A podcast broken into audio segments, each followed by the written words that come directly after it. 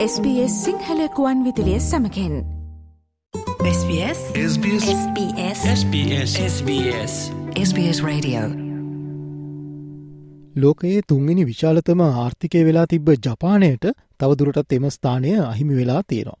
ඒවගේම එක්සත් රාජධානියත් ආර්ථික අර්බුදයකට මුහුණදීලා තියෙනවා. මේ තත්ත්වය නිසා ඔස්ට්‍රේලියාවේ ආර්ථිකයත් යම් අවධානමකට ලක්වෙලා කියලා අපිට වාර්තා වෙනවා. ඉතින් ඉදිරියේදී ආර්ථික අර්බුදයකට මුහුණ දෙන්න සිදුවේවිද කියලා අපි අද විශේෂන්ගේෙන් සොයා බලමු. මේ සතියේ නිකුත්වන අලුත්ම වාර්තා පෙන්වාදීලා තියෙනවා ජපානය සහ එක්සත් රාජධානයන රටවල් දෙකම පසුගේ වසරේ අවසාන භාගයේදී ආර්ථික අර්බුදයකට මුහුණ දිලා තියෙනවා කියලා. එක දිගට කාර්තු දෙකක් ආර්ථික වර්ධනය රිනාගයන් පෙන්නුම් කළොත් න්‍යායාත්මකව එය ආර්ථික අවපාතයක් කියලා හඳුන්නනවා. පසුගේ වසර අවසාන කාර්තුවේ එක්සත් රාජධානය සහ ජපානය පිළිවෙලින් සියට බිඳදශම තුන සහ බිඳදශම හතර වශයෙන් දළදේශීය නිෂ්පාධිතයේ හැකිලීමක් පෙන්නුම් කරලා තියෙනවා. ඊට පෙර සැත්තැම්බර් කාර්තුවේද මෙම රටවල් දෙකම ආර්ථිකය හැකිලීමක් වාර්තා කළා. මේ නිසා මෙම රටවල් දෙකම ආර්ථික අවපාතික සිටින බව තහවුරු කලා තියෙනවා. මෙම ආර්ථික හැකිලීමත් සමඟ ජපානය තුන්වන විශාලතම ආර්ථිකය කියන ස්ථානය නිවත් වෙලා තියෙනවා. ජර්මනිය ජපානය පහු කරලා මෙම ස්ථානයට පැමිණිලා තියෙනවා. අනෙක් අතර එක්සත් රාජධානය කිසිතු ආර්ථික වර්ධනයක් පෙන්නුම් නොකර ගත කරන දීර්ගතම කාලවකවානුව ගත කරන බව වාර්තා වෙනවා.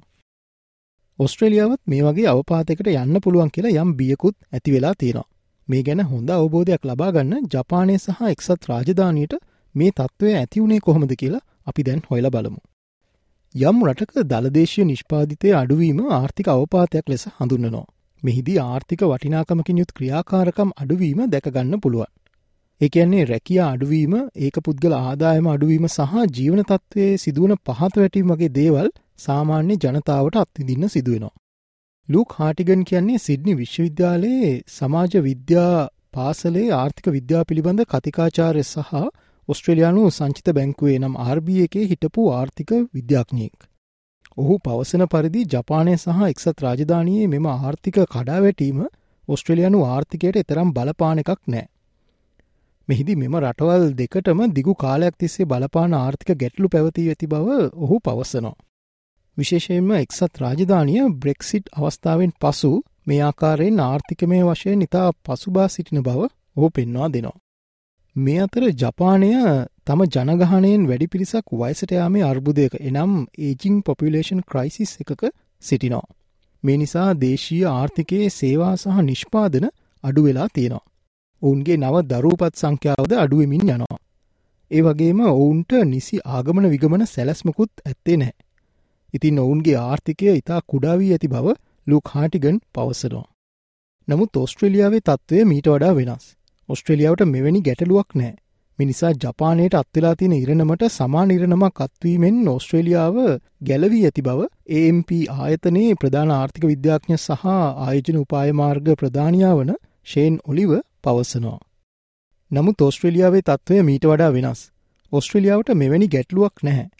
මේ නිසා ජපානයට අත්වෙලා තියෙන ඉරණමට සමානිරණමක් අත්වීමෙන් ඕස්ට්‍රේලියාව ගැලවී ඇති බව AMP ආයතනයේ ප්‍රධාන ආර්ථික විද්‍යාඥ සහ ආයෝජන උපායමාර්ග ප්‍රධානයා වන ෂේන් ඔලිව පවසා සිටිනවා. ලෝපුරා සිදුවමින් පවතින දැවන්ත පොලි අනුපාත ඉහළ දැමීම් සැලකිල්ලට ගත්විට බ්‍රිතාන්‍ය සහ ජපානය මෙම තත්ත්වයට පත්වීම පුදුමයට කරුණක් නොවන බව ඔලිව කියා සිටියා. එය ඔස්ට්‍රේලියාවට බලපෑම් ඇති කිරීමට ඉඩක් නොමැති බවද ඔහු වැඩිදුරටත් පවසා සිටියා.